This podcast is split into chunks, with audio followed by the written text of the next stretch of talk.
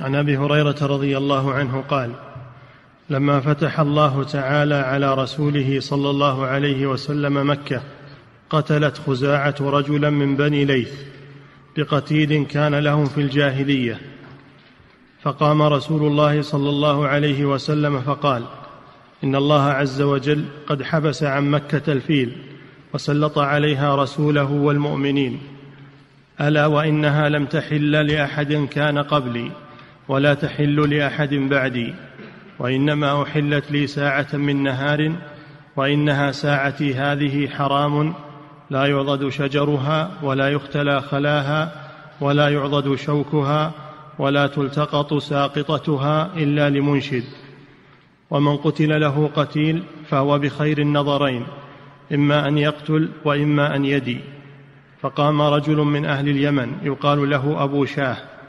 فقال يا رسول الله اكتبوا لي. فقال رسول الله صلى الله عليه وسلم اكتبوا لأبي شاه. ثم قام العباس فقال يا رسول الله إلا الإذخر إلا الإذخر فإنا, فإنا نجعله في بيوتنا وقبورنا. فقال رسول الله صلى الله عليه وسلم إلا الإذخر. لما فتح النبي صلى الله عليه وسلم مكة في السنة الثامنة من الهجرة في رمضان قتلت هذيل قبيلة معروفة قتلت رجلا من بني الليث بقتيل لهم في الجاهلية. معروف أن دماء الجاهلية أهدرها النبي صلى الله عليه وسلم ووضعها لكن هؤلاء ما ما بلغ ربما أنه ما بلغهم هذا الأمر. وإلا في الثارات اللي في الجاهلية ألغاها الرسول صلى الله عليه وسلم. حتى إنه أسقط دم عمه. أسقط دم عمه الذي قتل في الجاهلية. فأمور الجاهلية موضوعة ولا يطالب بها. هذا ناحية. الناحية الثانية أنهم قتلوا في مكة. ومكة لا يجوز القتل فيها. وإنما أحلت للنبي صلى الله عليه وسلم ساعة من نهار. هذه خاص بالنبي صلى الله عليه وسلم. فلا يجوز القتل في مكة ولا تقاتلوهم عند المسجد الحرام حتى يقاتلوكم فيه. إنما يقتل المعتدي دفاعا فقط. إنما يقتل المعتدي دفاعا فقط. حتى في الجاهلية كانوا يعظمون الحرم. فكان الرجل يلقى قاتل أبيه فلا يهيج ولا يكلمه بشيء حتى يخرج من الحرم. تعظيما للحرم فلا يجوز الابتداء ابتداء القتل في الحرم وإنما يجوز الدفع فقط. فإن قاتلوكم فلا ولا تقاتلوهم عند المسجد الحرام حتى يقاتلوكم فيه فإن قاتلوكم فاقتلوهم. كذلك جزاء الكافرين. فالنبي صلى الله عليه وسلم بين حرمة مكة وأنه لا يجوز القتال فيها وإن ترخص أحد بفعل الرسول صلى الله عليه وسلم أنه دخلها بالسلاح وحصل فيها قتل فهذا خاص بالرسول صلى الله عليه وسلم أحلت له ساعة من نهار ثم عادت حرمتها إلى يوم القيامة. فلا يجوز القتال والقتل فيها إلا من باب دفع المعتدي أو إقامة القصاص على من وجب عليه القصاص في مكة. ما يعطل القصاص في مكة؟ يقام لأن هذا بحق هذا قتل بحق. ثم بين صلى الله عليه وسلم بقية أحكام الحرم. أولا أنه ما يجوز فيه القتال. وأن فعل الرسول صلى الله عليه وسلم خاص به بأمر الله سبحانه وتعالى. ثانيا فيه أن الحرم لا يعضد لا يعضد شجره يعني لا تقطع أغصان الشجر. والمراد الشجر البري. أما الشجر الذي يزرعه الإنسان الشجر الذي يزرعه الإنسان له قطعه. إنما الشجر البري الذي ينبت على المطر هذا لا يجوز قطعه ولا كسر أغصانه وحتى العشب العشب الذي ينبت على أرض الحرم لا يجوز أنه أنه يختلى يعني يحش ويجمع مثل ما هو في غير الحرم. ولكن يرعى يترك الأنعام ترعى فيه ما يخالف تترك الأنعام ترعى أما يجي واحد يقول بجمعه وبأخزنه لا ما يجوز هذا.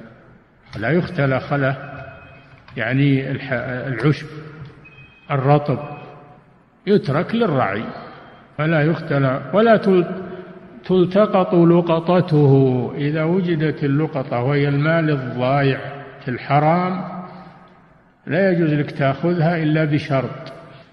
أن تقوم بالبحث عن صاحبها حتى تجده تدفعها إليه. ليست لقطة الحرم مثل لقطة الحل.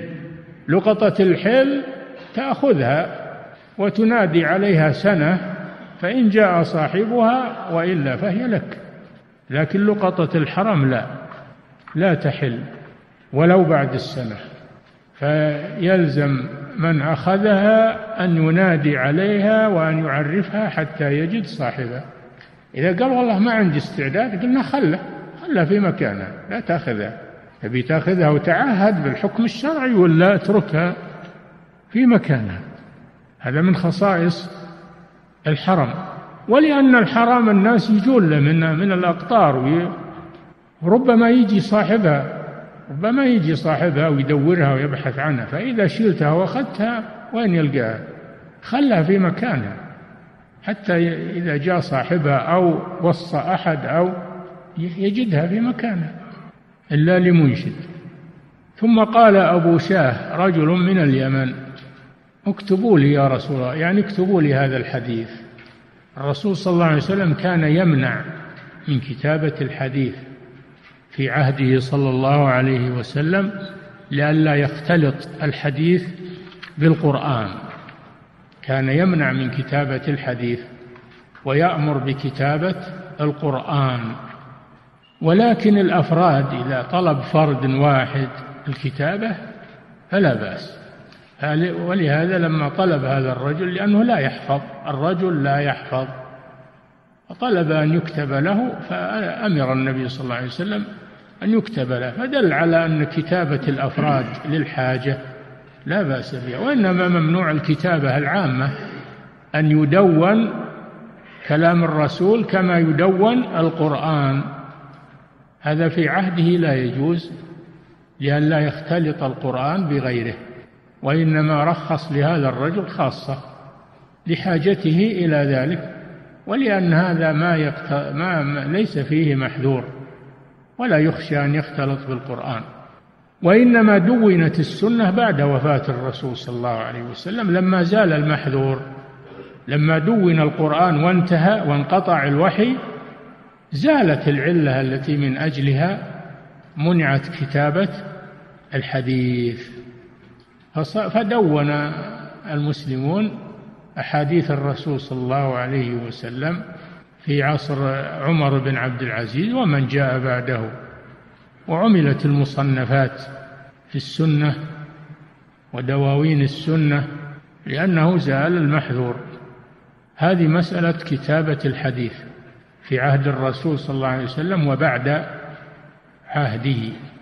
المسألة الثانية قام العباس رضي الله عنه عم الرسول صلى الله عليه وسلم فقال يا رسول الله إلا الإذخر لأن الرسول حرم قطع الشجر وحرم اختلاء العشب. قال يا رسول الله إلا الإذخر فإنهم يحتاجونه لقينهم والقين الحداد الحداد الذي يوقد النار على الحديد. والإذخر نوع من النبات. الإذخر نوع من النبات في الحرم معروف بهذا الاسم إلى الآن وهو سريع الاشتعال لقينهم يعني لصناعهم ولقبورهم. يجعلونه إذا وضعوا الميت في اللحد وصفوا عليه اللبن أو الحجارة يجيبون الإذخر ويجعلونه من بين اللبنات أو الحجارة من أجل أن يمسك التراب ما ينزل على الميت إلا لقبورهم ولقينهم. فقال النبي صلى الله عليه وسلم إلا الإذخر. فاستثناه النبي صلى الله عليه وسلم بسبب طلب العباس. وهذا بأمر الله لأن الرسول ما يشرع من عنده وإنما يوحى إليه عليه الصلاة والسلام فكان سؤال العباس سببا في الرخصة من الله عز وجل في الإذخر خاصة للحاجة. فهذا يستثنى من نبات الحرم أنه يقطع الإذخر يقطع للاستعمال ولا حرج فيه. وما عداه من الأشجار والأعشاب التي تنبت في برية لا يجوز قطعها. هذه أحكام الحرم. كذلك الحرم لا يهيج فيه الصيد.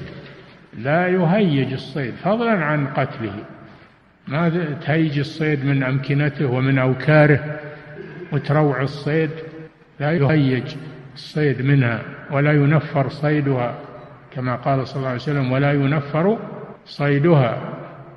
هذا من أحكام الحرم نعم. ومن قتل له قتيل فهو بخير النظرين. هذا محل الشاهد من الحديث.